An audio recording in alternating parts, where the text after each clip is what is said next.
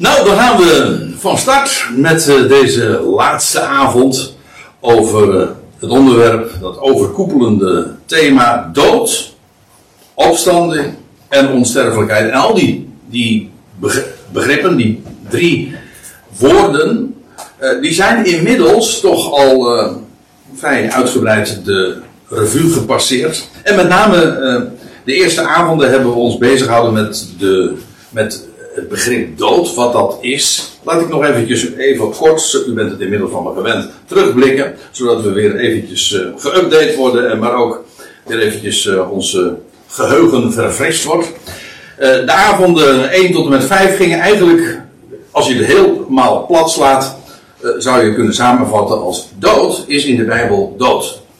En niet een andere vorm van leven, oftewel, zoals de, het boek Prediker dat samenvat, de doden weten niets. En een hele bekende en belangwekkende metafoor voor de dood is in de Bijbel ook de slaap. En dat werkt, werkt op twee manieren. In de eerste plaats, uh, degene die slaapt, die is zich normaal gesproken van niets bewust.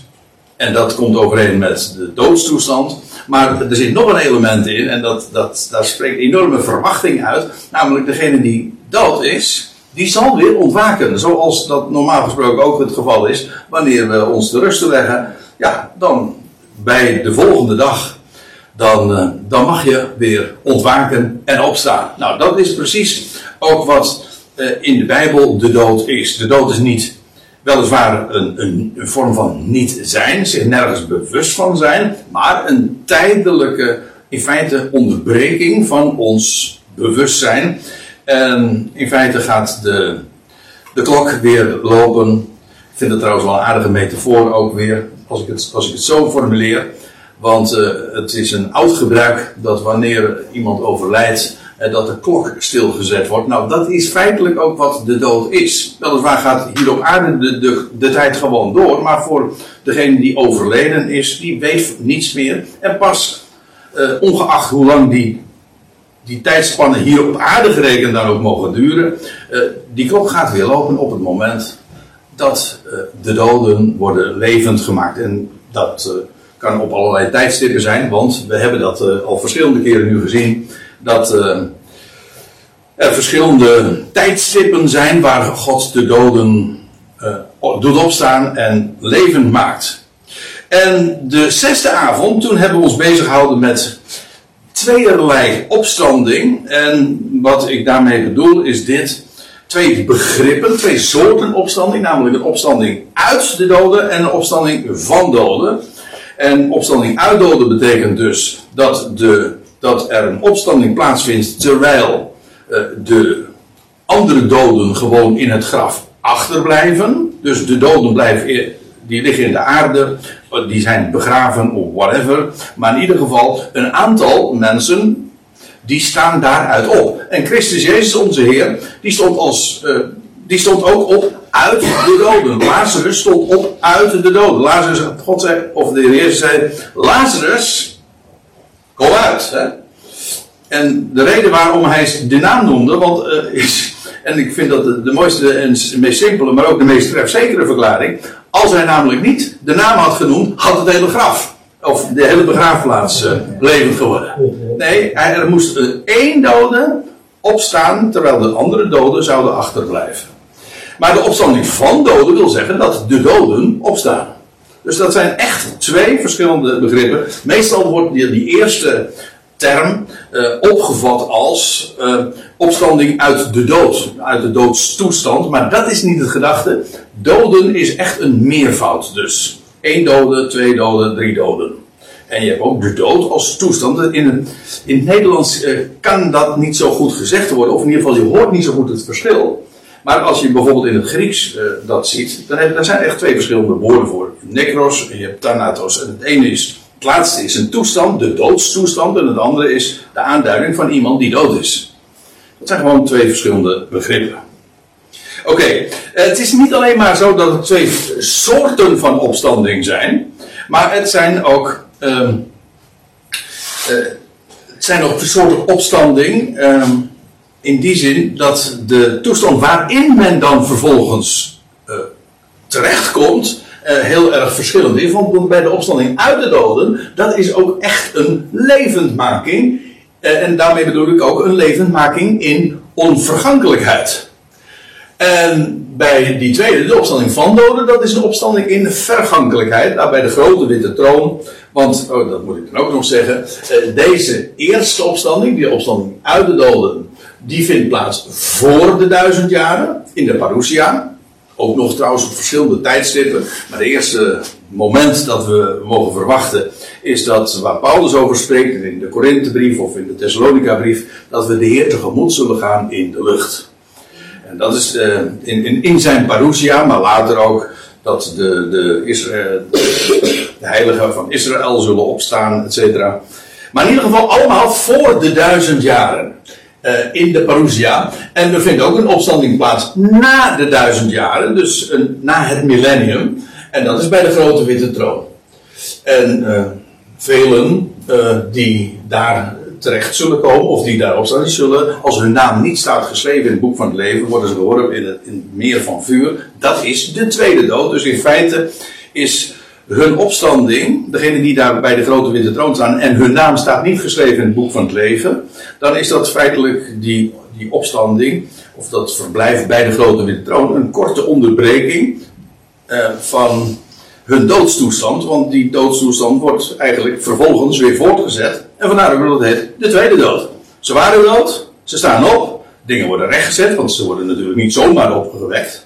Nee, maar niettemin, het is tijdelijk en dingen worden rechtgezet en vervolgens worden ze, uh, sterven zij opnieuw in, dat is dan de tweede dood. Dus je ziet, dat zijn echt twee soorten opstandingen. En ook verschillende termen en ook daadwerkelijk verschillende tijdstippen. Nou, dat was de avond 6.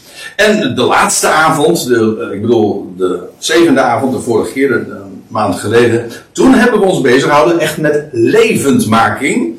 En de levendmaking in rangorde, levendmakingen in rangorde. En als we het hebben over levendmaking, zoals Paulus daarover spreekt in 1 Corinthië 15, dan heeft hij het echt over uh, opstaan uit de dood, ja, maar dan in onvergankelijkheid. En daar is Christus de eersteling van. Want natuurlijk is het waar dat er voor Christus meerdere mensen zijn opgestaan uit de doden, maar zij zijn allemaal weer teruggekeerd. Dus in feite was hun opstanding een terugkeer naar het vergankelijk leven om na x tijd weer opnieuw te sterven. In feite dus ook een tweede dood. Lazarus is een tweede dood gestorven, als u begrijpt wat ik bedoel. Um, maar daar, Paulus heeft het niet over zomaar opstanding, zeg. Want dat is de opstanding ten oordeel of de opstanding bij de, na de duizend jaren ook. Nee, hij heeft het over levendmaking. Levendmaking zoals Christus, de eersteling, is levend gemaakt. Nou, ik uh, wil graag nog eventjes uh, dat uh, schematisch naar voren brengen. Ik heb het plaatje de vorige keer al even laten zien. Nu wil ik het nog wel even wat duidelijker maken. want ik denk dat het buitengewoon belangrijk is om dit ook zo te zien. In feite, de rangorde die Paulus daarin aangeeft, in feite ook een vol, volgorde, die is heel simpel. Want wat hij zegt, nou ja, uh, zoals allen in Adam sterven, zo zullen in Christus ook allen worden levend gemaakt. Maar, zegt hij, een ieder in zijn eigen rangorde. En dan Christus, de eersteling. En dat is uh, bij deze gelegenheid uiteraard, dat is inmiddels bijna 2000 jaar geleden. Dan vervolgens de twee, hij vervolgens die van Christus zijn in zijn parousia. Zijn parousia is niet één moment, maar het is in zijn aanwezigheid. Dus op het moment dat hij present, hij is nu absent, en straks is hij weer present in de eerste plaats voor, Israël, voor de Ecclesia, het lichaam van Christus, vervolgens voor Israël. Maar dat, dat is die periode van zijn parousia. En daarna volgen de duizend jaren. Het is ook nog de opstanding van, eh, van degenen die in de grote verdrukking en in de tijd van de beestheerschappij uh, omgekomen zijn. Die zullen ook opstaan voor de duizend jaren. En ze zullen ook met Christus gedurende de duizend jaren uh, regeren. Die duizend jaren is in feite niet zozeer een aanduiding van de tijd waarin Christus heerst. Maar het is een aanduiding van de tijd waarin Satan gebonden is. Daar, Satan wordt duizend jaar gebonden. in feite de heerschappij van Christus wordt gewoon voortgezet. Ook in de nieuwe hemel en de nieuwe aarde. Maar uh, ik had het al even over de grote witte troon. Uh, dat is de, dat plaatje, dat uh, icoontje. Dat, vind, dat, dat, vind, dat is een, ja, je zou kunnen zeggen, het is een rechtszitting. Maar in feite, het is ook een rechtzetting. Dat is in feite wat het gericht ook is. Alles komt daar openbaar. Alles zal aan het licht komen. En daar wordt alles bij die gelegenheid rechtgezet. Pijnlijk, want ja, u weet het. Eh, als de waarheid aan het licht komt, reken maar dat uh, dat, dat enorme, confronterende werkelijkheid is. Het is zo indrukwekkend wat daar in Openbaring 20 in een paar versen wordt beschreven. Maar het is een rechtzetting van de overige doden, want je leest bij deze gelegenheid als uh, dan gesproken wordt over de opstanding voor de duizend jaren. En dan staat er, en de overige doden, die werden niet levend. Alvorens de duizend jaren voleindigd zijn. Nou, en dat is uh, bij deze gelegenheid. Dit is dus de opstanding van de doden. Dit is hier vindt een opstanding uit de doden plaats. Dit is de opstanding van de doden, want alle doden staan bij die gelegenheid op. En en degene, zoals we al zagen, de, van wie de naam niet staat geschreven in het boek van het leven, die komen in het meer van vuur. En dat is de tweede dood. Nou, die toestand uh, wordt uh, voortgezet, ook bij de nieuwe hemel en de nieuwe aarde. Dat is weer een hele nieuwe fase. Nog weer grotere heerlijkheid. Dan vind, komt er een, Jeruzalem, een, een stad uit de hemel. Uh, ja, een stad van goud en van, uh, van nog proporties en van een kwaliteit die alles wat, het in wat we in het millennium kenden, ik, zeg, ik spreek nu al in de verleden tijd, maar ik bedoel, alles wat in het millennium beleefd zal worden, uh, dat zal het verder ook achter zich laten. Dus het is echt een aion die hier aanbreekt naar de, de grote witte troon dat is iets totaal nieuws. Iets, iets geweldig. In zekere zin een voortzetting, want Christus beheerst daar nog. En je leest over allerlei eh, dingen eh, die eh, in het millennium waren, maar die ook daar nog daar zullen plaatsvinden. Maar van een veel grotere glorie.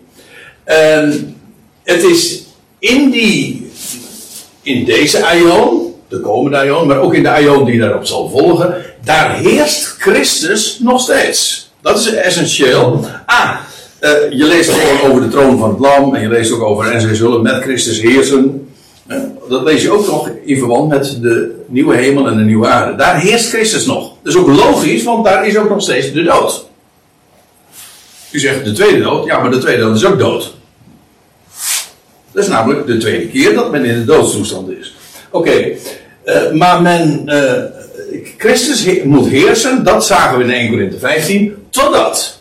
En, en want ja, eh, er zijn drie, er zijn drie rangorden, drie momenten, uh, drie rangorden, waarvan Paulus zegt dat er levendmaking plaatsvindt. Christus de eersteling, die van Christus zijn in zijn parousia, en daarna, de laatste, het einde.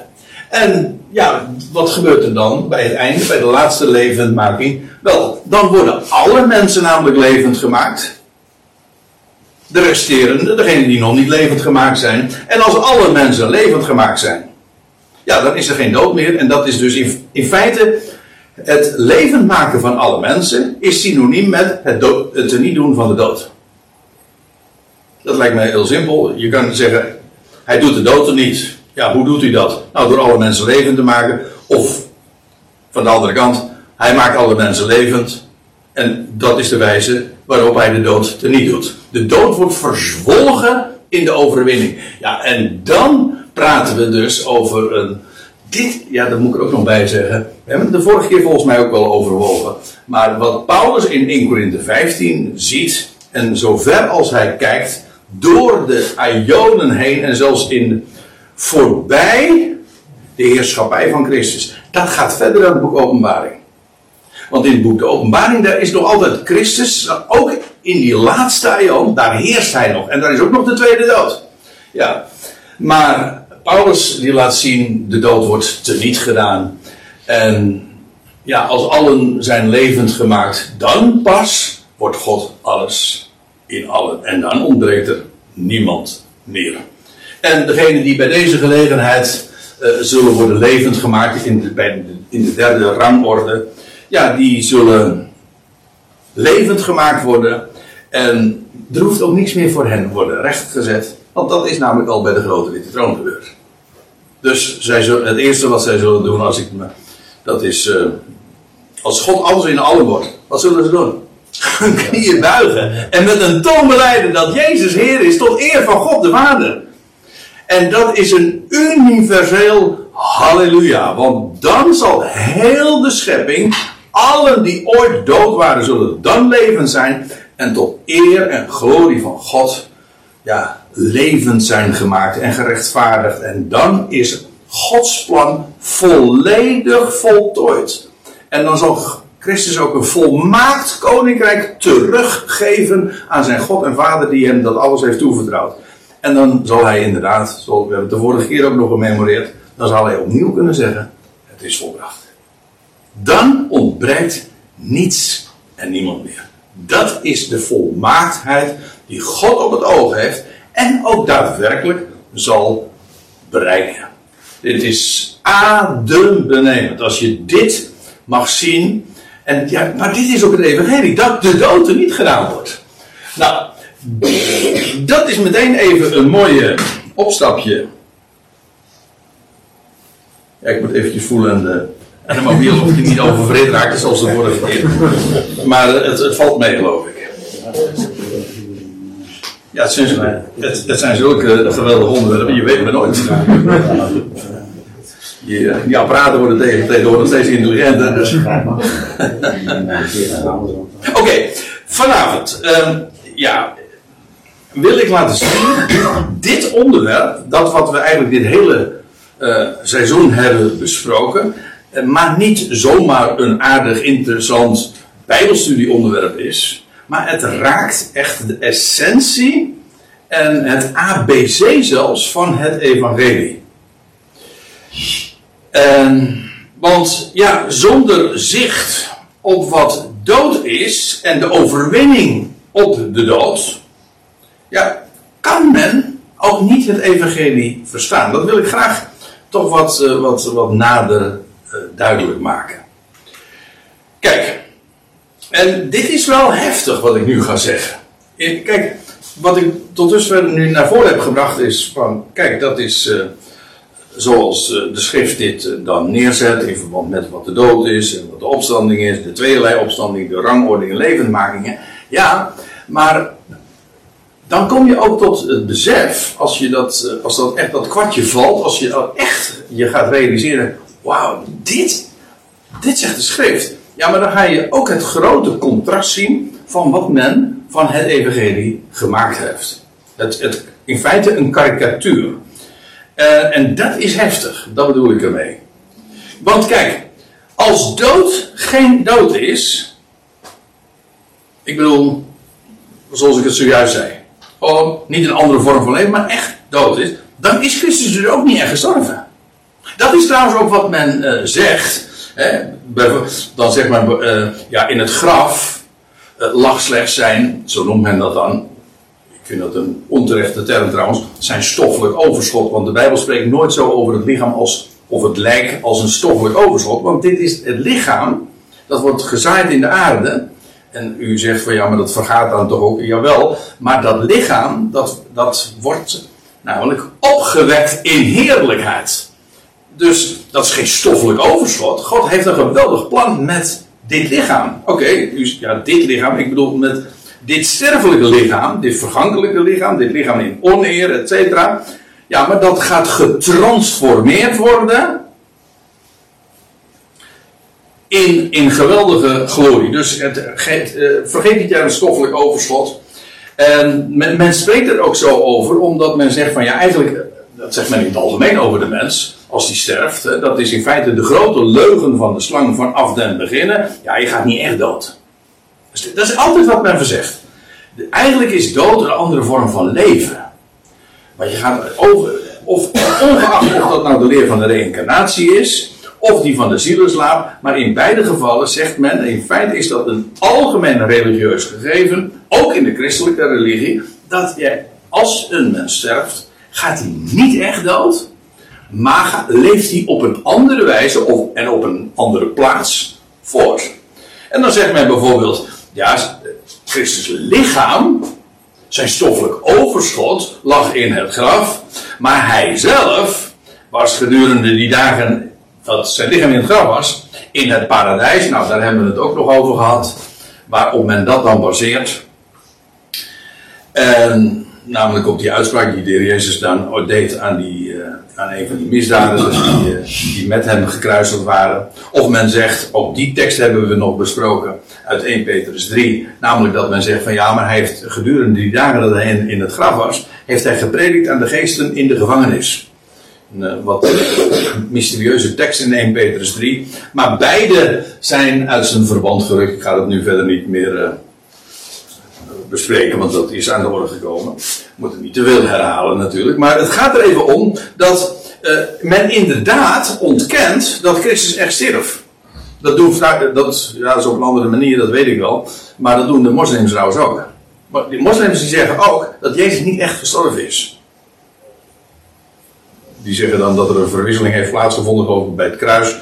Uh, maar in ieder geval, en Jezus is niet echt gestorven. Maar in dat geval is hij, als hij niet gestorven is. Ja, het evangelie is toch juist de boodschap dat Jezus Christus stierf. Ja, met, geweldige uh, doeleinden. Jawel, maar hij stierf. Hij is voor ons gestorven. Maar als hij niet echt stierf, ja, dan, dan heb je de boodschap dus feitelijk uitgehold. Dus dat is het eerste. Als dood geen dood is, dan is Christus ook niet echt gestorven.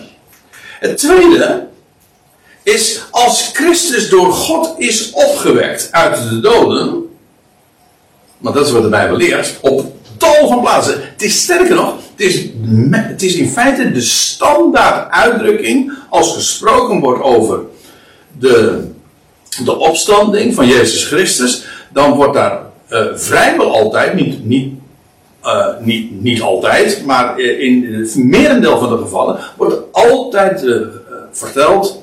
Kijk het maar naar bijvoorbeeld in het boek Handelingen. Dat God, jullie hebben hem gedood, is dan de prediking. En dan aan het adres van Israël. Jullie hebben hem overgeleverd aan, aan, aan, aan Pilatus en de stadhouder en de Romeinen. Maar God heeft hem ten derde dagen opgewekt uit de doden. Jullie doden hem, maar God heeft hem uit de doden opgewekt. Ja, maar kijk, dat is dus essentieel. Als Christus door God is opgewekt uit de doden, dan was hij dus echt dood. Dat is één ding. Uh, maar dat betekent dat hij dus ook niet, en nou, dit is trouwens het onderwerp van de, het vorige seizoen, want toen hebben we dat uh, veel uitgebreider bezien. Maar dan was hij dus ook niet God zelf. Was hij een mens. Men zegt ook, daar zijn liederen uh, waarin men dat dan ook vertoont. Hij steeg uit het door eigen kracht.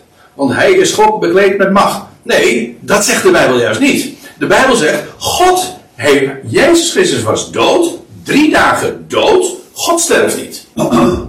Nee, hij was drie dagen dood. En op de derde dag heeft God hem opgewekt uit de doden. En als God hem niet had opgewekt uit de doden, was hij nog dood geweest. Kijk, dat is de wijze waarop de Bijbel erover spreekt. Maar als Jezus Christus Ehm, ja, zoals de Bijbel dat zegt. Kijk, het staat in Romeinen 10. Uh, vers 9, een bekend vers. Want indien u met de mond beleidt dat Jezus Heer is en met uw hart gelooft dat God hem opwekt, opwekte uit de doden, zult u gered worden. Er komt trouwens een moment dat elke tong, nou daar hadden we het over, hè, mm. dat zal beleiden. Maar het gaat erom, via die weg, in geloof in de Messias, maar wat wordt er dan, uh, wat, wat zou men in het hart, met het hart geloven? Wel, dat God hem opwekte uit de doden. Maar hoe kun je dat geloven? Als je meent dat Jezus God de Zoon is. Nee, hij, hij is de Zoon van God. Dat is iets heel anders. En God, zijn Vader, de enige prachtige God, heeft hem opgewekt uit de doden. En inderdaad, Jezus Christus is, is, het beeld van de onzienlijke God. Hij is de, het embleem ervan, de uitstraling van zijn heerlijkheid. En, en als hij God genoemd wordt, dan is dat beeldspraak. Maar er is maar één God, de Vader.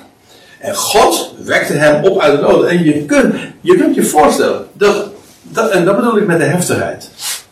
Uh, van deze punten die ik nu aan, die ik hier nu even neerzet.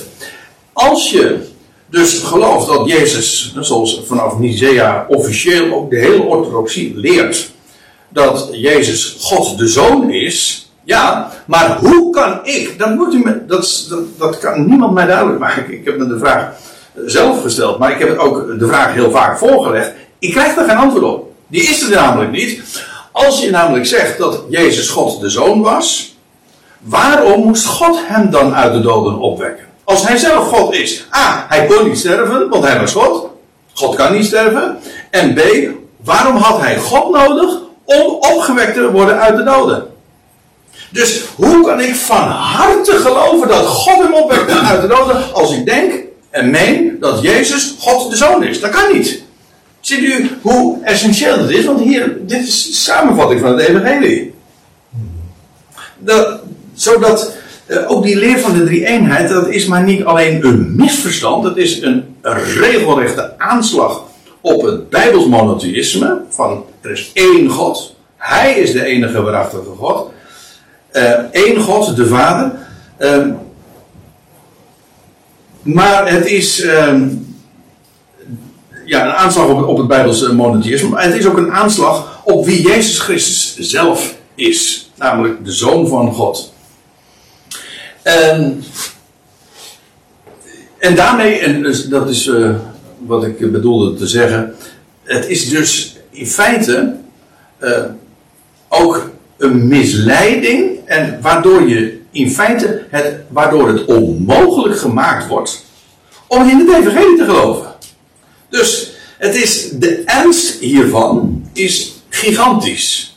En ja, u zegt van ja, maar dat wordt toch al omgeleerd. Ja, dat is, dat is uit waarom ik het zeg, het is zo ernstig. Want uh, vanaf vooral Nicea, want ja, toen is het allemaal officieel zwart op wit gezet. En, uh, en is dat eigenlijk ook uh, neergelegd als, als de orthodoxie. Dit is de rechte leer. En als je dat niet gelooft, ja, dan, dan ga je naar de hel, dan ben je voor eeuwig verdoemd. Het staat ook allemaal in die, in die beleidenisgeschriften. Dus zo, zo sterk, zo zwart-wit is dit. Dus het is niet eens zo dat ik dit contrast zo neerzet. Het is zelfs zo dat Athanasius en, uh, en, uh, de mannen die dat toen hebben opgesteld, die zelf hebben al aangegeven: als je niet gelooft in onze orthodoxie, dan kun je niet behouden worden. Dus het is of, het is of dit of dat. Maar je kunt niet zeggen van nou, ja, het maakt niet uit of je nou in de enige gelooft of niet. Nee, het is het is echt zwart-wit en, en, en, daar is geen compromis in mogelijk. Dat is het tweede. En dan hebben we nog een derde punt.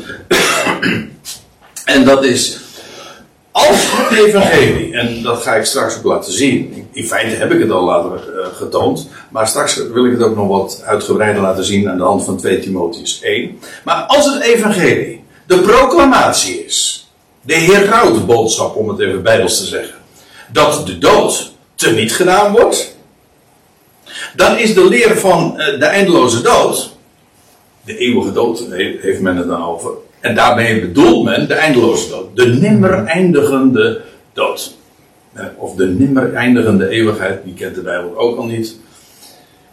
Maar dat, betekent dus dat we het kennis van de evangelie als de dood teniet gedaan wordt, dan kan er dus niets. En als dat de essentie is van het evangelie. Dat is ook wat allerlei paarsliederen naar voren brengen. Van ja, de dood is overwonnen. En ja, maar dat betekent dus dat elke gedachte waarbij de dood altijd blijft bestaan, eindeloos, dat betekent dus dat de dood niet teniet gedaan wordt. Maar als de dood niet er niet gedaan wordt, dan kun je het evangelie, op het even plat te, zeggen, op je buik schrijven. Dat is er dan niet. ook hier in derde punt zie je weer het enorme contrast tussen wat de Bijbel leert, geweldig, duidelijk, klaar, helder, solide, aan de ene kant, en dat wat de, de orthodoxie hiervan gemaakt heeft. Ja, en wat in feite dus, men, blijft met de dood opgeschreven. Altijd. Nimmer eindigend.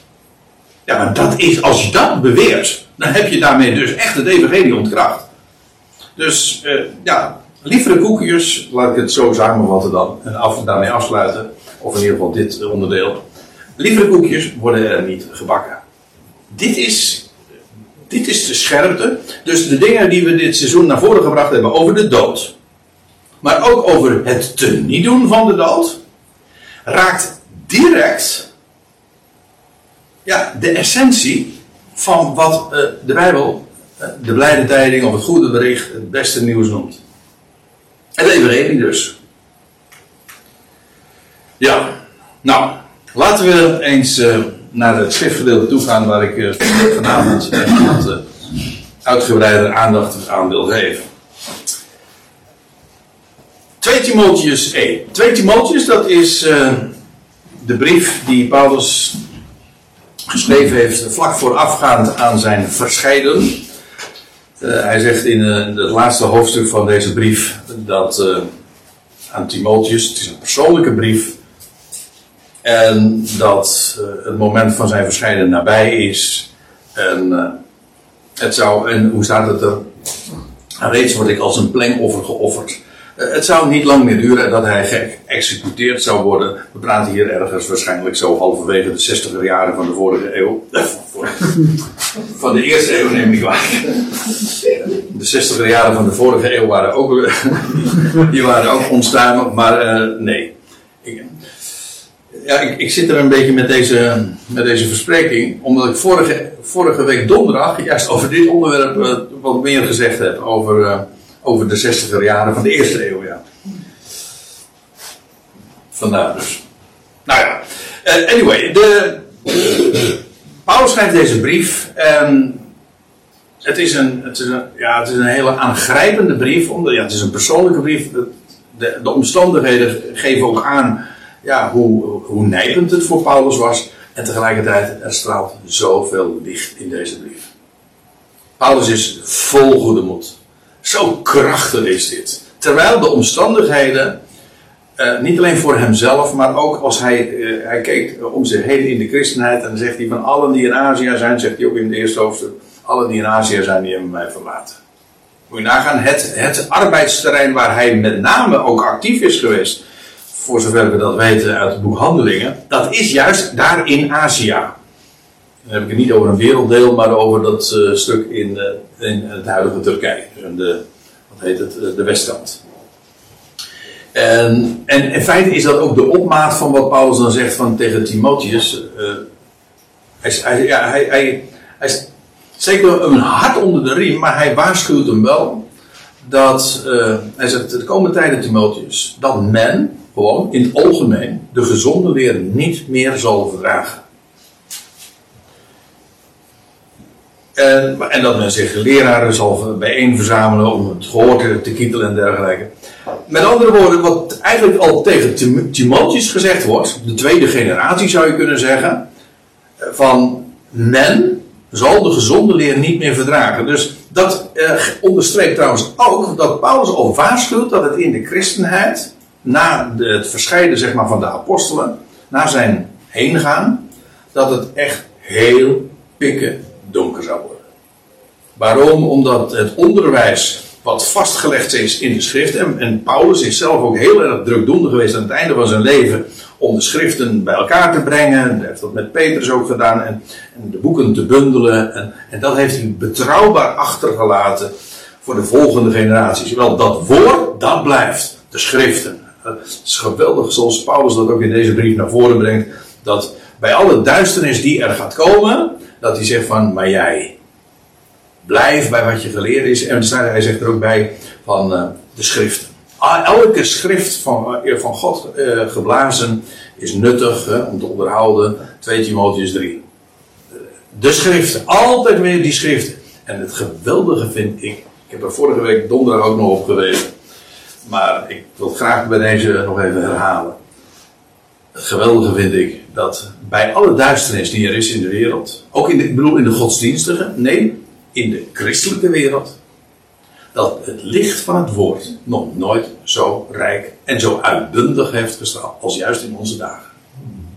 Nooit is het zo beschikbaar geweest, wereldwijd, als in onze dagen. En nooit is er een tijd geweest waarin men, waar iedereen zo gemakkelijk toegang heeft tot dat wat er staat geschreven. En zelfs, zelfs als je geen, dus helemaal geen Grieks of Hebreeuws, dan nog kun je doordringen in de gedachten van God, namelijk in de woorden, de levende orakels van God zelf. Ja, dat is toch geweldig. En ik moet zeggen, uh, ja, het loutere feit dat uh, de christenheid daar, uh, dat, daar al sinds eeuwen afstand van heeft genomen, zoals voorzegd. Het gegeven dat de schriften blijvend zijn, sterker nog, juist hoe donkerder het wordt, hoe meer het licht gaat stralen. Dat is in onze dagen ook zo. Men, nooit, voor degene die wil weten wat er in de schriften staat, ja, waar je ook je bevindt, nooit is het zo gemakkelijk te benaderen. En dat is de glorie van het woord, juist in onze dagen ook. Dus uh, ja, is de, de tweede Timotheusbrief uh, pessimistisch? Nee, allerminst.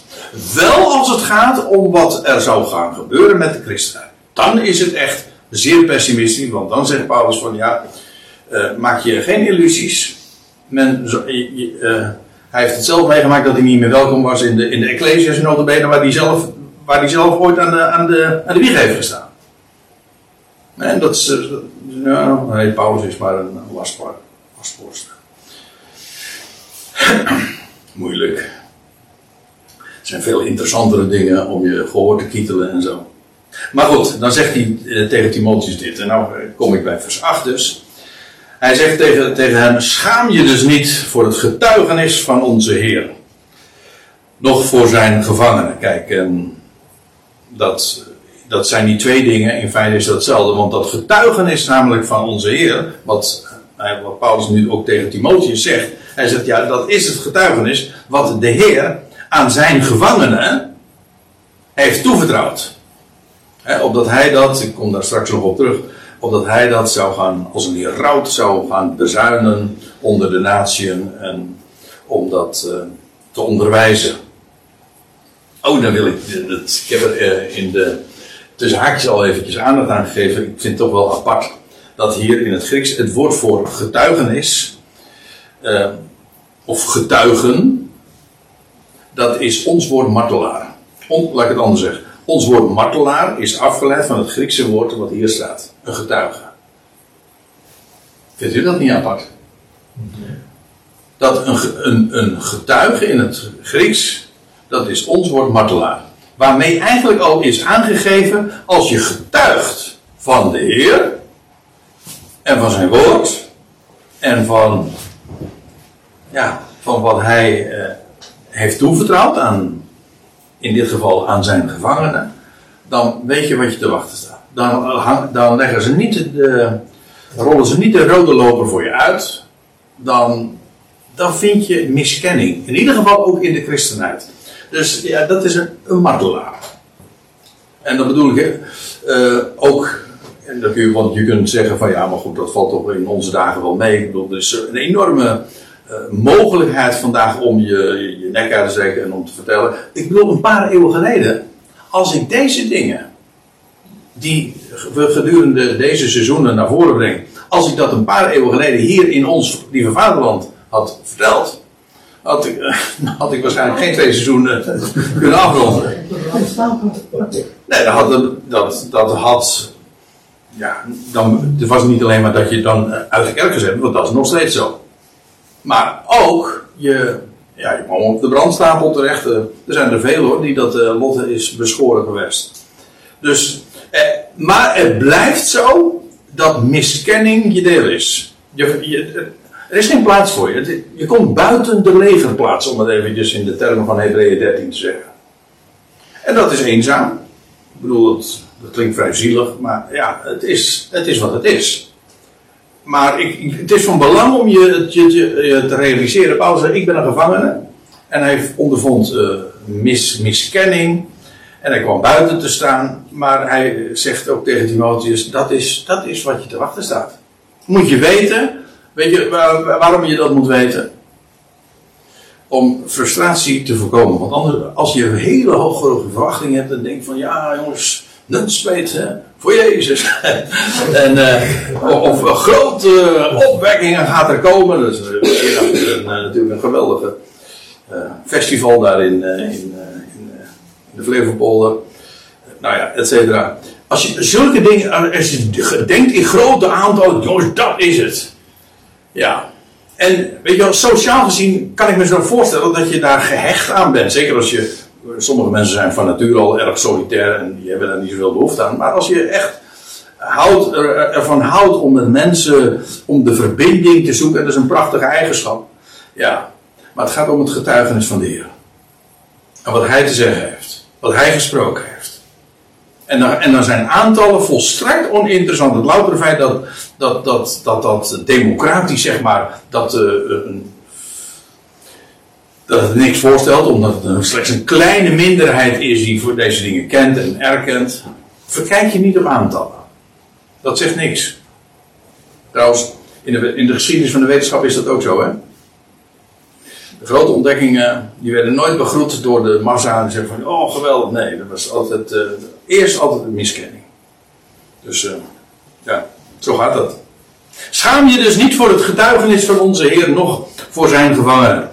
Eh, maar leid samen kwaad in het evangelie. Dat, zo staat het in het Grieks. Leid samen kwaad, of wees mede bereid te leiden. Het idee is dus, zie je in de MBG-verdaling trouwens correct ook weergegeven, samen met mij. Ik ben zijn gevangene, maar ja, weet dan als je met mij dit getuigenis hoog houdt en dat je daarvoor uitkomt, ja, dan eh, moet je er eh, op bedacht zijn dat dat zomaar ook jouw lot kan wezen. En, eh, en dat- lijden hoeft helemaal nog niet eens de, de, de, een executie te betekenen of de brandstapel. Het kan ook gewoon inderdaad volledige miskenning zijn en dat je buiten komt te staan. Dat is ook al kwaad lijden in het evangelie. Maar zegt hij, maar leid samen kwaad, eh, of met mij dus, eh, in het evangelie naar kracht, dynamin, naar de macht of de kracht, eigenlijk het vermogen ehm, van God. Want God is het, eh, ja, die zijn woord heeft gegeven, maar in dat woord daar zit zo'n geweldige dynamiet, dynamin, hè. Geweldig dynamiet, geweldige kracht. Dat als je. Dat is het geweldige, hè? Als je dat woord kent, de rijkdom daarvan. En dan nut je dat stralen. En dan maakt die miskenning je eigenlijk ook niks meer uit. Het klinkt, on, ik bedoel, dat klinkt misschien wat onverschillig. Natuurlijk is het kwaad. Het is lijden ook. En miskenning is niet fijn. Absoluut niet. En toch, als je weet hoe geweldig dat getuigenis is, ja, dan denk je, wie kan mij wat? En dit is zo groot. En dat, dat, is, dat is ook de power om er ook daadwerkelijk voor uit te komen.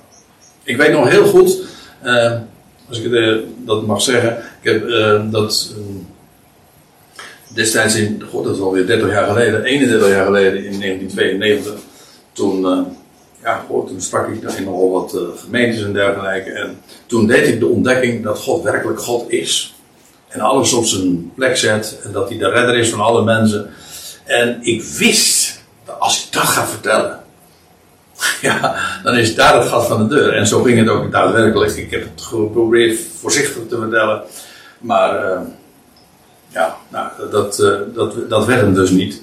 Eh, maar ik weet nog zo goed, en dat was, het was heel pijnlijk om achter elkaar dan te horen: nee, hier mag je niet meer komen.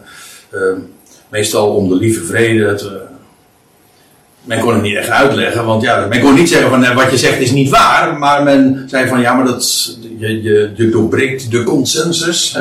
Je, je, de eenstemmigheid en, en de eenheid in onze gemeente, die, die raakt in gevaar als we jou ook een podium geven. Nou, dat soort argumenten. En dat was heel pijnlijk. En ik heb toen, juist omdat ik net die ontdekking gedaan had, ik was zo enorm blij ermee. Ik had, ik had enorm geworsteld als kind al met, met de vragen hierover. En, en toen kreeg ik het antwoord. En dat was zo'n geweldig licht in mijn leven. Ja, wat, wat, wat, wat kunnen ze doen? Als, eh, mag ik het nergens meer vertellen? Dan nog. Dan verblijd ik. Dan, dan maar in mijn uppie. Dan, dan verblijd ik me daarin. Maar ja, daar kun je niet over zwijgen. Dat is het. Dat is, Paulus zegt, hè, het evangelie beschaamt mij. Ja. Ik schaam mij het evangelie niet. Ja, waarom? Om, omdat het mij niet beschaamt. Ja, nou, God, eh, ik, ik, ga door naar vers 9. Uh, eh, die ons redt, staat er. Uh, die ons redt en roept in een heilige roeping. Nou moet ik er even iets bij zeggen. Want uh, in het Grieks, in de MBG-vertaling en in de meeste vertalingen doen dat met de aorist. Die geven dat dan weer als een voltooid tegenwoordige tijd. Uh, dus is die ons behouden heeft. Maar uh, dat staat er niet. De, de voltooid tegenwoordige tijd is een andere vorm. Het is de aorist. En aorist betekent letterlijk A betekent zonder. En oris, dat heeft te maken met de horizon. Horizon.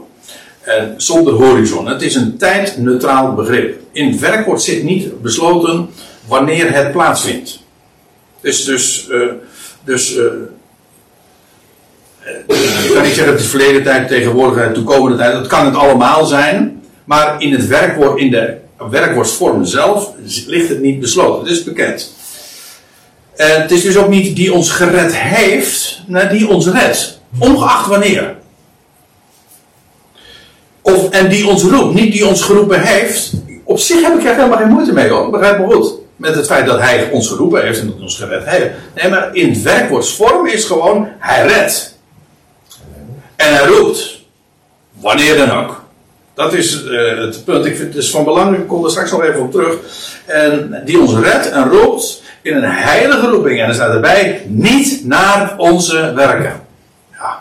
Hier zijn we echt, uh, met, zo'n terminologie, zijn we echt uh, heel dichtbij het, uh, het, vocabulaire van Paulus gekomen. Want dit is natuurlijk iets waar hij al, dat aanbeeld waar hij altijd op hamert.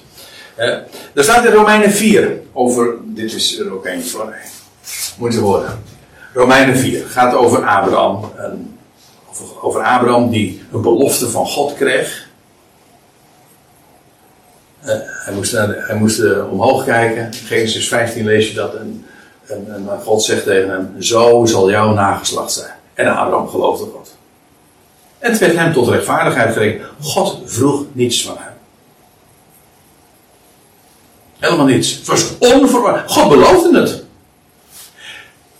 Het was een onvoorwaardelijke belofte. En Abraham zei amen. Hij geloofde God. En en dan staat erin, als Paulus dit later dan becommentarieert in Romeinen 4, dan zegt hij, maar hem die niet werkt. Abraham werd ook geen opdracht gegeven. Hij moest niet iets doen. Nee, God beloofde hem. Zo zal jouw nageslacht zijn. Oh, ja, uh, alles uh, naar aardse omstandigheden. Ik bedoel, de situatie van uh, in ieder geval ook zijn vrouw die verstorven was en onvruchtbaar. Kijk, maar Abraham zegt van, als u het zegt, u, de God van hemel en aarde, u die dit alles gemaakt hebt, als u dat zegt, nou ja, eh, dan, dan gebeurt dat. Dan is het toch dwaasheid om te zeggen van, ja, maar volgens de wetenschappelijke regels kan dat eigenlijk helemaal niet. Ja, want, uh, wie, we hebben het over de almachtige God, hè? Zou voor hem, dat is ook Abraham in de geschiedenis van zou voor hem iets te wonderlijk zijn? Nou, dat is, dat is, dat is, ja, dat is bijbelse logica. Dat is theologica. Maar hem die niet werkt, maar gelooft op hem, of zijn geloof vestigt op hem, die de goddeloze rechtvaardigt, die wordt zijn geloof gerekend tot rechtvaardigheid. Abraham was een rechtvaardige, waarom? Wel, God, hij, hij beaamde wat God beloofde, onvoorwaardelijk. En nu, Paulus zegt, ja, wat is nou een gelovige? Dat is iemand die amen zegt op het feit dat God de goddeloze rechtvaardigt. U weet, ja, ik weet het, dat gaat via de weg van geloof. Maar welke goddeloze ook, maar God rechtvaardigen. Nou, vertel het maar eens. Dat God de goddeloze rechtvaardigt. Natuurlijk. Hoort u ze stijgen? Ja, maar het is geen werken. God belooft het. Op zijn tijd trouwens, dit is Romeinen 4 vers 5. Uh, en in uh, het voorgaande hoofdstuk daar werd al gezegd van, want, alles, want allen hebben gezondigd, of alle zondigden, en derven de heerlijkheid gods, en worden om niet gerechtvaardigd uit zijn genade. Dat is Romeinen 3. En Romeinen 5 vers 18 zegt, zoals ze door één daad van, onrecht, van uh, hoe staat het er, van onrechtvaardigheid, nee, God, ongehoorzaamheid. Ongehoorzaamheid, ja. Ze, alle mensen zijn veroordeeld, zo zullen ook door één daad van rechtvaardigheid alle mensen worden gerechtvaardigd en leven. Dat is, dat is de Bijbelse boodschap. Een kind kan het begrijpen. Waarom? Omdat het namelijk één zorgt ervoor dat alles. Ik bedoel, Adam staat ervoor garant dat heel de mensheid zondaar en sterveling is. Daar heb je, dat, dat is niet geen keuze, dat ben je gewoon vanaf het moment dat je geboren bent. Nou, zo zal er één daad van gerechtigheid alle mensen worden gerechtvaardigd. Zie daar het evangelie. Dat is geen prestatie. Dat kun je ook niet tegenhouden. Dat is ook geen aanbod. Het is een mededeling. Dus niet naar onze werken. Hij redt en roept in een heilige roeping niet naar onze werken, maar naar zijn eigen voornemen en genade. Ja, waarmee dus gezegd is dat als wij geroepen worden, als wij gered worden, dat dat is niet vanwege onze prestatie of iets wat wij doen, ook niet onze, ons, omdat wij kiezen voor Jezus. Nee, dat is omdat God een voornemen heeft. En als hij een plan heeft, dan realiseert hij dat. En dan ben je Mordicus tegen, vraag het maar aan Paulus. Dan zegt hij, grijpt hij, als hij wil hebben, precies op zijn tijd, dan pakt hij je. En dan, zoals Paulus dat ze later, in, dat zegt trouwens ook in de Timotheusbrief, de eerste dan, dan zegt hij, zijn genade heeft mij overweldigd. Nou, wat blijft er dan over van een keuze? Het is zijn voornemen, naar zijn eigen voornemen en genade. Nou, uh, ik zie dat het inmiddels uh, 9 uur geweest is. Wellicht dat we verstandig gaan doen dat we eerst even gaan pauzeren. Dan gaan we straks hiermee verder. Zullen wij weer verder gaan met uh, het laatste deel van deze laatste avond over dit onderwerp. Nou, we hadden het dus over, over wat Paulus schrijft in 2 Timotheus 1. Ik ga naar vers 10 toe, maar ja, ik vind de aanloop erg belangrijk, dus die wil ik beslist erbij pakken, omdat dat precies ook aangeeft en beschrijft uh, wat nou de essentie van het evangelie is. Nou, we hadden het er al even over. God redt, hij roept, niet naar onze werken. Dat staat er volledig los van. En waarom? Wel, het is namelijk zijn voornemen. En niet gebaseerd op iets wat wij presteren, ook niet onze keuze. God heeft een plan en een voornemen. En het is naar zijn eigen voornemen en het is ook naar eh, zijn eigen genade. En daar hebben we weer die tweede term. Het is ook de Romeinenbrief. Ja, wat is genade? Nou, genade betekent om niet. Zoals, we, zoals ik eerder citeerde uit Romeinen 3. Alle zondigden en derven de heerlijkheid gods. En worden om niet gerechtvaardigd door zijn genade. In feite is het dubbel op, hè? om niet en door zijn genade. Het is gratis. Ja, en ook dat uh, is weer zo'n zwart-wit begrip, uh, want daar bestaan namelijk geen soorten en maten in. Ik bedoel, je, kan niet een beetje, ik zeg altijd, je kan niet een beetje genade hebben, want het is, Paulus zegt in Romeinen 11 vers 6, die moet je onthouden. Indien het nu in genade is, dan is het niet meer uitwerken. Anders is de genade geen genade meer. Nou, uh, dat is geen hogere wiskunde, het is zo simpel. Het is namelijk op niet. En op het moment dat je zegt van ja, maar het is, je hoeft alleen maar, het is maar één voorwaarde. Het is bijna niks, je hoeft alleen maar te kiezen. als dat de voorwaarde is voor het heil. Let, wel- ik moet er misschien even dit bij zeggen, want het kan zijn dat er nu een tegenwerping in uw hart of gedachten opkomt. Zeg van ja, de Bijbel zegt toch door geloof. Jawel, maar geloof is het kanaal, is geen voorwaarde. Geloof is de wijze waarop God zijn heil schenkt. En hij, hij opent ogen, hij opent oren en het is inderdaad door geloof dat we gerechtvaardigd worden. Maar niet als dat geloof een voorwaarde zou zijn, want dat kan namelijk niet, want genade is onvoorwaardelijk. Dat is juist wat genade genade maakt. En ja, anders is genade geen genade meer. Eh, het is, eh, en daarin bestaat dus geen gradaties. En eh, in feite wordt het heel sub- de misleiding wordt groter naarmate men eigenlijk het subtiel verdraait wanneer men zegt van ja maar bijna niks. Dat is, eh, dat bestaat dus niet. Een beetje genade bestaat niet, zoals een beetje zwanger ook niet bestaat. Oké, naar- het is naar zijn eigen voornemen en naar genade. Die ons gegeven werd in Christus Jezus voor eeuwige tijden. Nou, eh, ik zei net, deze versen wil ik er beslist bij hebben, omdat het namelijk een opeenstapeling is van gegevens die allemaal het, de menselijke inbreng volstrekt buiten werking stellen. Want het was inderdaad, zoals we lazen, hij. En het is niet naar onze werken. Het is ons gegeven. Het is genade. En bovendien, het die ons gegeven werd in Christus Jezus. Wanneer? Voor eeuwige tijden. Ja, nou die is erg belangrijk. Want ja, die eeuwige tijden. Er staat in, ehm, letterlijk staat ik zou je moeten weergeven, voor Ionische tijden.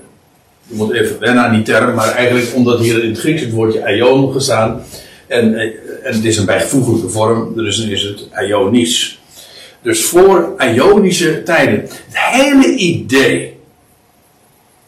Voor de pauze had ik al eventjes een, iets, een uitlating gedaan in die richting. Maar het hele idee dat Aion een eeuwigheid is, ja, is een miskenning.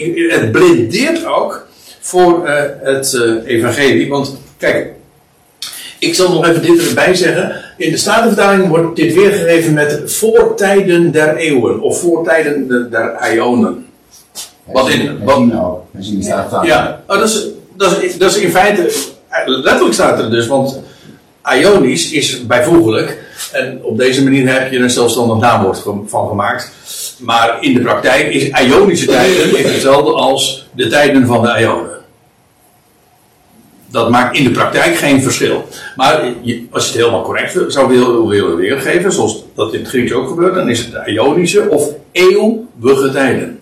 Ik, ik, zeg het altijd expres met eh, een beetje stotterend, door een streepje te zetten tussen eeuw en de rest van het woord.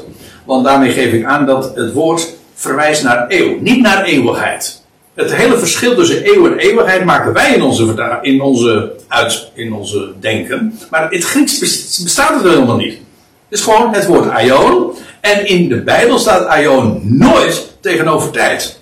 Sterker nog, de Bijbel verspreekt verschillende keren over ionische tijden. Dus je, hebt, je, hebt, je hebt allerlei soorten tijden. Je hebt, je hebt urige tijden, dat, zo zeg je dat natuurlijk niet. Je hebt dagelijkse tijden, je hebt maandelijkse tijden, je hebt jaar, jaarlijkse tijden. Je hebt, e- je hebt ook tijden van eeuwen. Maar dit zijn ionische tijden, wereldtijdperken. Nou, dat is essentieel.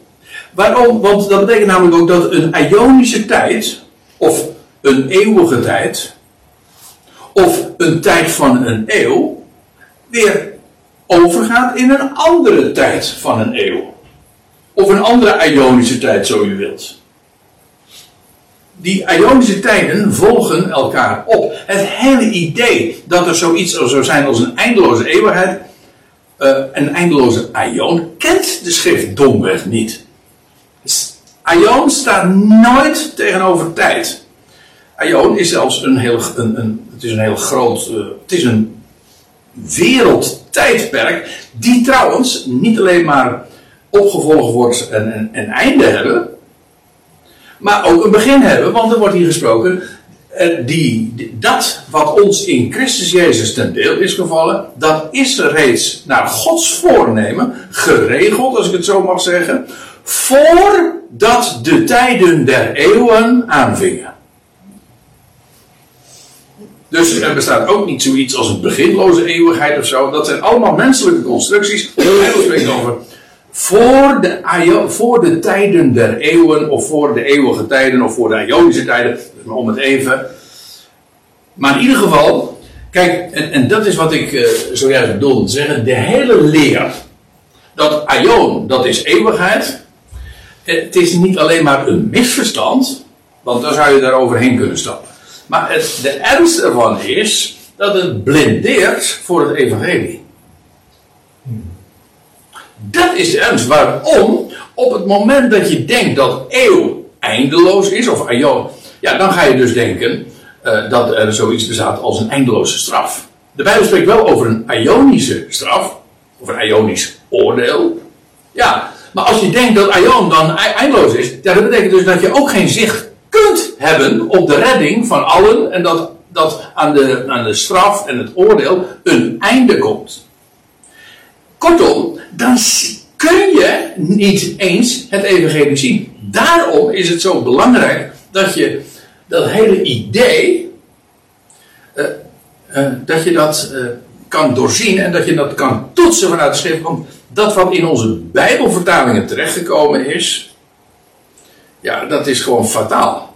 Want het, het zorgt ervoor dat je niet het eens het evangelie dat hij werkelijk, of niet, de hele schepping terug gaat brengen tot zichzelf door zijn zoon, kun je nooit zien. Kan je niet zien op het moment dat je denkt dat een aion een eeuwigheid is. Ziet u dat het zo belangrijk is om dit aan de kaak te stellen? Dit moet, want anders kun je daar niet toe komen. Hier dit, maar dit onderstreept trouwens ook, wat ik zojuist zei, dat het inderdaad puur niet is. Wanneer vond, is mijn, mijn, onze redding geregeld? Nou, dat is Gods voornemen. En wanneer is het ons gegeven? Wanneer was dit al in Gods voornemen een gegeven? Nou, zegt Paulus, in Christus Jezus. Want buiten hem kan het uiteraard niet om. Maar in Christus Jezus is het reeds voor Ionische tijd. Dus voordat de wereld er was, voordat de Ionen begonnen te lopen, was dat al geregeld. Wauw, denk ik dan. Ja, dat betekent dus, dat kan nooit stuk. Dat staat dus helemaal los van mijn keuze, van mijn prestatie of van mijn, mijn wanprestaties. Het is genade. Dat is het evangelie. En dat betekent dus, als je dit ziet, dat het ons gegeven is in Christus Jezus voor eeuwige tijd. Ja, dat betekent dat het dus er helemaal volstrekt onafhankelijk is van, de, van elke menselijke bedoeling. En daarom is het evangelie werkelijk een evangelie. Het is, gewoon, het is de mededeling. En dat geloof ik. en ja, de meeste mensen geloven het niet. En degene die moeten vertellen, dat tenminste van, van wie je zou verwachten dat ze het zouden vertellen, want het is namelijk, dit is gezonde leer. Dit is solide, het is bijbels, het is, het is ook gezondmakend, het is vitaliserend, het geeft namelijk uitzicht. Zo geweldig. Ja. Maar eh, op het moment natuurlijk dat je dit, eh, eh, deze, deze waarheid eh, aan de kant zet, ja, dat betekent dus dat, je het hele, e- dat het evangelie je ontgaat. In Christus Jezus voor eeuwige tijden. Wauw. Ja, en dan zegt Paulus, en, en, en nu komen we in vers 10. Maar die nu, hij heeft dus over dat het al een gegeven was in Christus Jezus voor eeuwige tijden. En, maar nu geopenbaard wordt door de verschijning van onze redder Christus Jezus. In de verschijning van Christus Jezus, onze redder. Hij, hij is dus redder, want trouwens dat betekent de naam Jezus ook. Hij, Yahweh redt, namelijk via hem. Daarom heet hij ook Jezus, Yahweh redt. En in hem is de redding gerealiseerd. En dat was al voordat de tijden gingen lopen van, en voordat de Ionen begonnen al uh, een gegeven. En nu is dat geopenbaard. In, door de verschijning van onze redder Christus Jezus. En daar horen wij van in het evangelie, want luister, luister maar. En nu komen we eigenlijk bij het echte vers waar ik naartoe wilde, of in ieder geval deel van het vers. Daar staat erbij, onze redder, wie is dat? Christus, Jezus, dat is typisch de Paulus-term. Hè? Bij de, hij komt bijna honderd keer voor deze term. En op één uitzondering na, maar dat is een apart gevalletje, uh, is altijd Paulus die dit zo formuleert. Christus, niet Jezus Christus, maar Christus Jezus. Is dat nou gewoon alleen maar een variant om, van, van te zeggen? Nee, dit heeft alles te maken met het feit dat hoe Paulus Christus Jezus kende. Hij kende Jezus niet. Hij kende Jezus hier op aarde niet. En voor zover hij hem al gekend heeft, dan zegt hij later in de Korinthebrief thans niet meer. Nee, hij, hij kwam in aanraking met Christus. En toen vraagt wie bent u heer? En dan zegt hij, nou ik ben Jezus, jij vervolgt. Dus, hij kende hem als de Christus, de opgestane. En wie is dat dan? Wel, dat is Jezus. Dus precies de omgekeerde volgorde van, zoals de twaalf hem kenden. Want die, die zijn opgetrokken met Jezus van Nazareth. En die vervolgens in zijn opstanding de Christus werd. Zij kenden hem dus letterlijk historisch ook als Jezus Christus. Paulus niet. Paulus is precies omgekeerd. Dus dat verklaart ook de, de wijze waarop hij dat zo formuleert. Dus dat is maar niet zomaar een of andere, uh, ja, gewoon een, stilistische omkering om het uh, wat anders te zeggen. Of een pauw. Nee, dit, heeft, dit is uh, illustratief en ook dit demonstreert ook de wijze waarop hij, Paulus Jezus Christus, of Christus Jezus, naar voren brengt en presenteert. Onze redder, Christus Jezus, wie is dat? Hoe redt hij dan wel? En waarom is hij de redder wel? Die de dood teniet doet.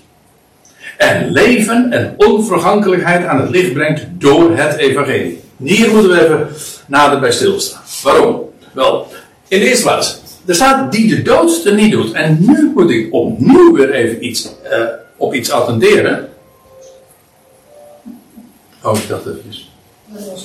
Oh, wacht geworden. Ja, nou dat is ook, dat is, uh, wat ik vanavond vertel, is ook een soort wake-up call. Dat, uh, dat klopt wel. Maar die de dood niet doet, als je in de, de, de gangbare vertalingen zie je weer hetzelfde fenomeen. Dit is nou ook weer namelijk een aoris, waar ik het al over had. Um, dat vertel ik niet omdat ik u graag wat Grieks wil bijbrengen. Dat, dat, waarom? Ik bedoel, we zijn Nederlanders. Maar als het van belang is voor het verstaan, dan, dan wil ik er toch graag even op attenderen. Want er staat hier weer een aorix. Niet een voltooid tegenwoordige tijd. En dus er staat niet die de dood teniet heeft gedaan, of die de dood van zijn kracht heeft beroofd. Dat is weer zo'n voltooid tegenwoordige tijd. Nee, hij doet de dood teniet. Ook weer Ongeacht wanneer.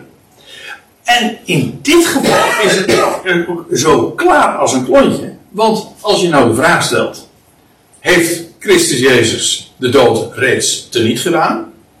Ja, ik hoor het wel vaak zeggen. Maar het klopt niet. Want is, dat is het onderwerp van de vorige keer. Hij, de dood is de laatste vijand die zal worden teniet gedaan pas aan het einde van de Ionen, ik had het net over voor de Ionische tijden aanvingen, maar nu hebben we het over de voleinding van de Ionen. Christus zal heersen tot in de Ionen der Ionen, de toekomende Ionen, daarin zal hij heersen. Ja, maar en hoe lang gaat die heerschappij dan door? Wel, totdat hij de laatste vijand, dat is de dood, teniet gedaan heeft. En hoe doet hij dat? Nou, daar hadden we het al over, door alle mensen leven te maken. Maar hier zie je het. Hij doet, Christus Jezus is onze redder en hij doet de dood teniet. Heeft hij dat gedaan? Nee, hij heeft de dood overwonnen. Dat is waar. God zij dank. Hij is de garantie, hij is de eersteling. Maar dat de dood niet gedaan wordt, nou dat duurt nog wel even hoor. Want dat is ook nog voorbij het millennium en die laatste eeuw. Nou, daar hebben we de vorige keer nog even zo in de wandelgang over gehad. Maar uh, nou, uh, dan kun je juist ook nog wel even uittrekken hoor, om zo te zeggen. Want dat, uh, dat, als u mij vraagt, is dat de, de langstdurende uh, van alle. In die zin ook overtreffend. De der Ionen. Oké, maar het, waar het om gaat is, pas aan het einde daarvan zal hij de dood er niet doen. Maar het gaat er ook niet om wanneer dat gebeurt, het gaat erom dat hij het doet.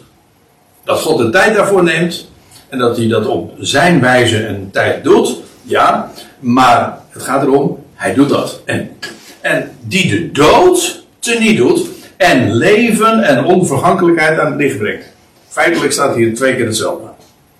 Dat woordje en betekent hier ook niet plus, maar zoals en, het woordje en verbindt. Het is een voegwoord, maar eh, in de, in de betekenis ook van namelijk.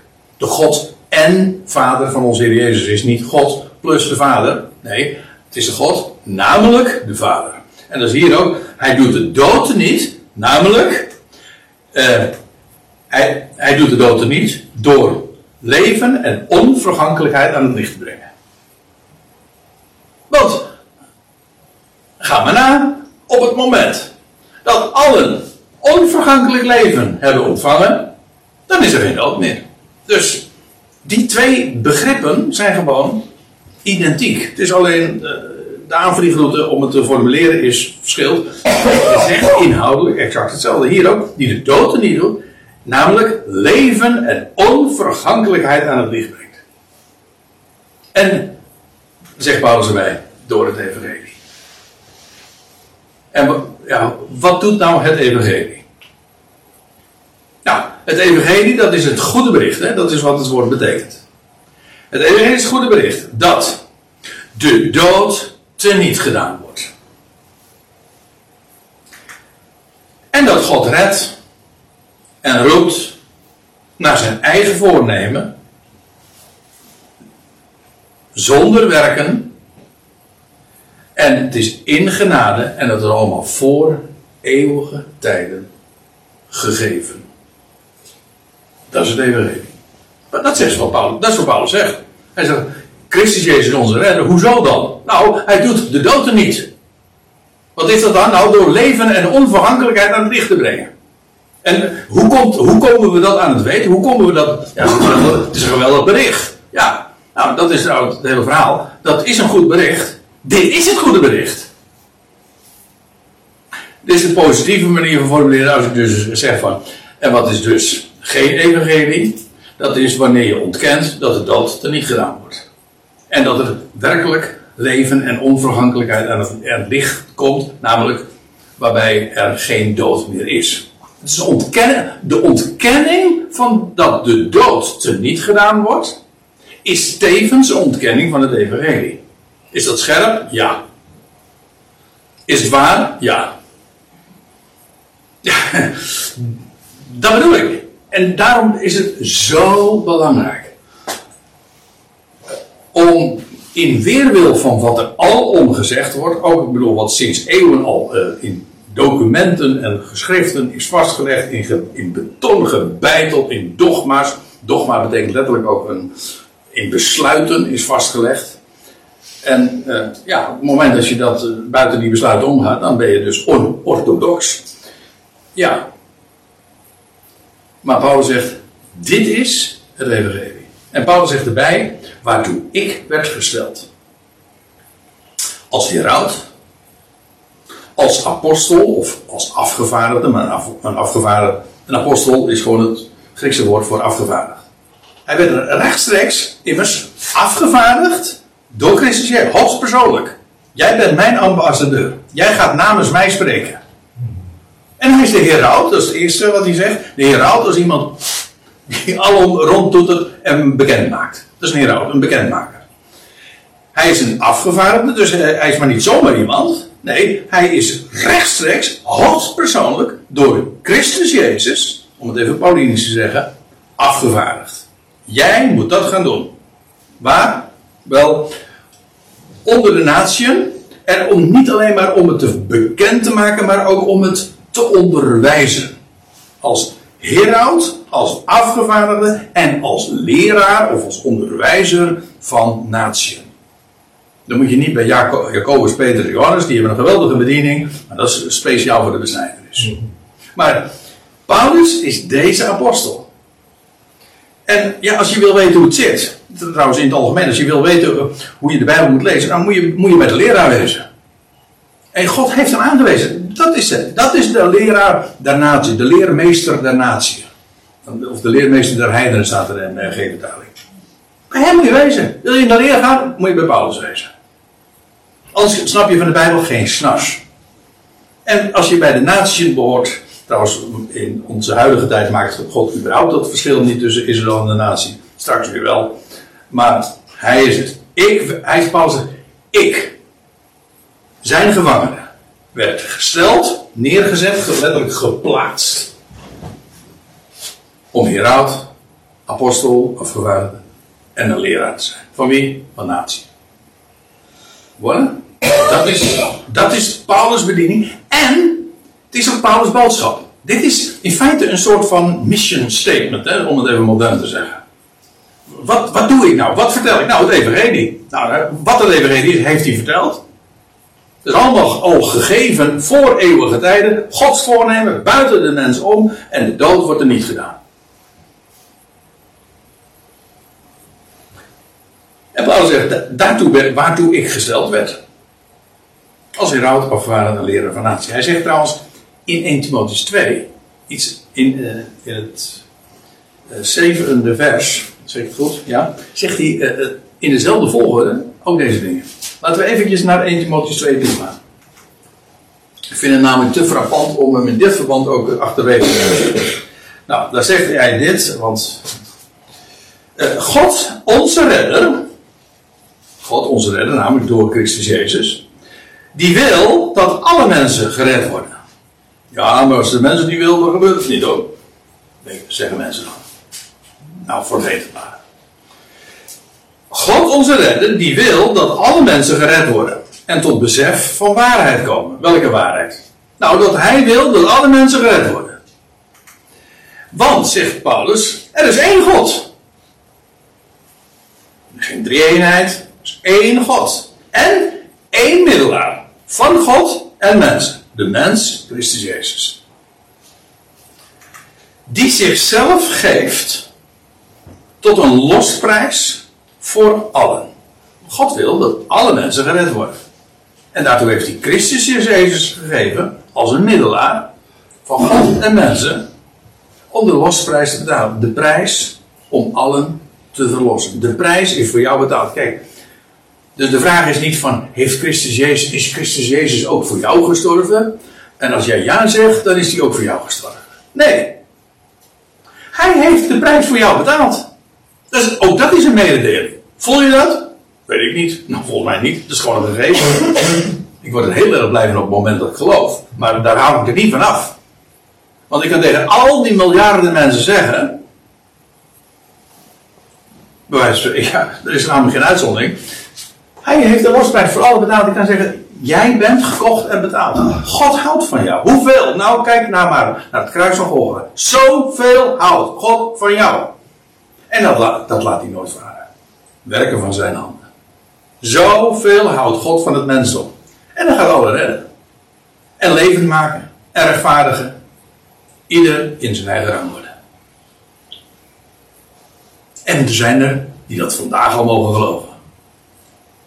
En hoe komt dat? Nou, dat komt, is dat een keuze? Nee, dat komt omdat God het woord bij jou gebracht heeft en Hij jouw ogen daarvoor geopend.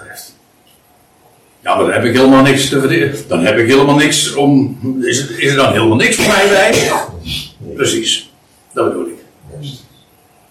Hij opent ogen, Hij opent oren, Hij opent harten en alle eer is aan Hem. Dan ben je een eersteling. Dat is trouwens ook heel eenzaam. Daar hadden we het in de pauze ook nog over. want de rest, eh, maar, oh, maar de rest voorkomt wel. Dat is ook vreugdevol. Dat is ook heel vreugdelijk, want de eersteling betekent namelijk dat je. De eerste krijgt in de Bijbel altijd de hoogste bestemming. Dus ja, het is een hoog, groot voorrecht. Dus ga je er, ga er niet zielig over zitten doen. Zo bedoel ik het eigenlijk te zeggen. Ook al is het inderdaad al betekent het een miskenning.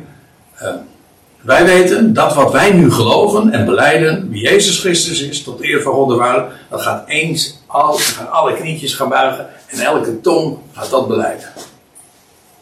Even geduld, gaat gebeuren. Wie staat er garant voor naar God zelf? De prijs is betaald. En Paulus zegt, die zichzelf gegeven heeft. Of geeft tot een losprijs voor allen. Het getuigenis bij gelegenheden. Dat wil zeggen, het wordt verteld uh, op, uh, op, de, op de tijdstippen die hij bepaalt. En die hij geeft. En dan zegt hij er weer bij. En daar ging het me nu even om. Waarin ik werd gesteld. Wie ben ik? Nou, heraut en afgevaardigde. Heb je weer exact dezelfde volgorde als waar ik het in, wat ik zojuist las uit 2 Timotheus 1 vers 10 of 11. Hieruit.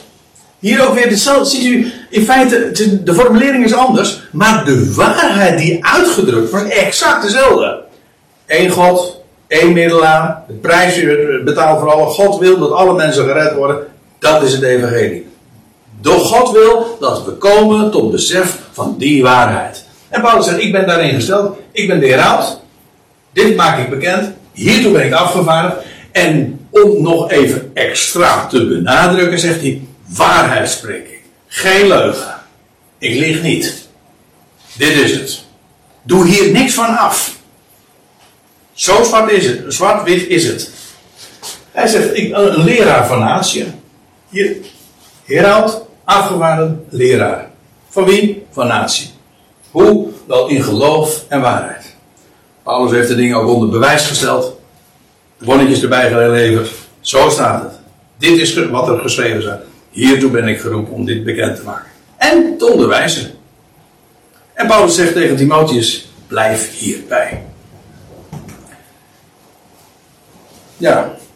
Nou, dat is eigenlijk ook uh, waar ik. Dat, nou, dat wil ik als laatste vers dan ook voor, graag voorlezen vers 12. Om die reden, goh, ik ben nu weer terug bij 2 Timotheus 1. Om die reden leid ik ook deze dingen. Maar man, man, man. Wat, een, wat ben je te feliciteren. Als je die, die reden kent. En, nou ja, waar we al eerder even aandacht aan gaven aan het feit dat, dat de ontvangst zo minimaal is. En dat, uh, dat, je, dat miskenning je deel is. Paulus zegt dat is ook zo. Hij zegt maar om die reden leid ik deze dingen. Daarom. Is het solide? Absoluut. Is het geweldig? Nog veel, nog, veel, nog veel meer dan je ooit kan beseffen. Ja. Maar wees, wees hierop bedacht. Hij zegt, maar schaam me daarvoor niet. Oké, miskenning. Maar in tegendeel. Dan ben je trots om daarvoor uit te komen. Want, zegt Paulus, ik weet wie ik geloof heb. In hem. En nou ja, het, het, gaat verder naar uh, deze, deze, woorden, maar ik wil het eigenlijk uh, hierbij laten. Uh, want hij zegt hier van ja, hij heeft mij een pand toevertrouwd. En hij zorgt er ook voor. Hij bewaart dat pand voor mij. Hè? Tot die dag. Dus ook dat is allemaal in zijn hand. En hij geeft je ook de, ja, eh, in dit geval, Paulus zegt dat als, als persoonlijk getuigenis. Hij zorgt ervoor dat dat uh, bewaard wordt. En hij zegt tegen Timotheus: uh, sta in dit woord. Hij geeft als het ware, Paulus, uh, zijn dagen zijn geteld. Hij, gaat, hij zou bijna het aardse toneel verlaten, maar hij geeft het stokje over aan, aan Timotheus. Gaat mee. Maar jij, Tegenover de hele massa die hier gewoon afstand van neemt. De christenheid in kluis. Of ik moet eigenlijk zeggen, de christenheid die hier afstand van neemt. Dat is eigenlijk het meest tragische. Ik bedoel dat de wereld er uh, zegt van. Maar het is toch uh, juist het, het grootste getuigenis dat je kan bedenken. Zo adembenemend. En zo solide. Dat juist het volk dat dat zou moeten vertellen. Dat zou van de kansels verteld moeten worden. Dat is het. En als je vertelt, mijn ketter. Spoor je niet, onorthodox, buitengesloten worden.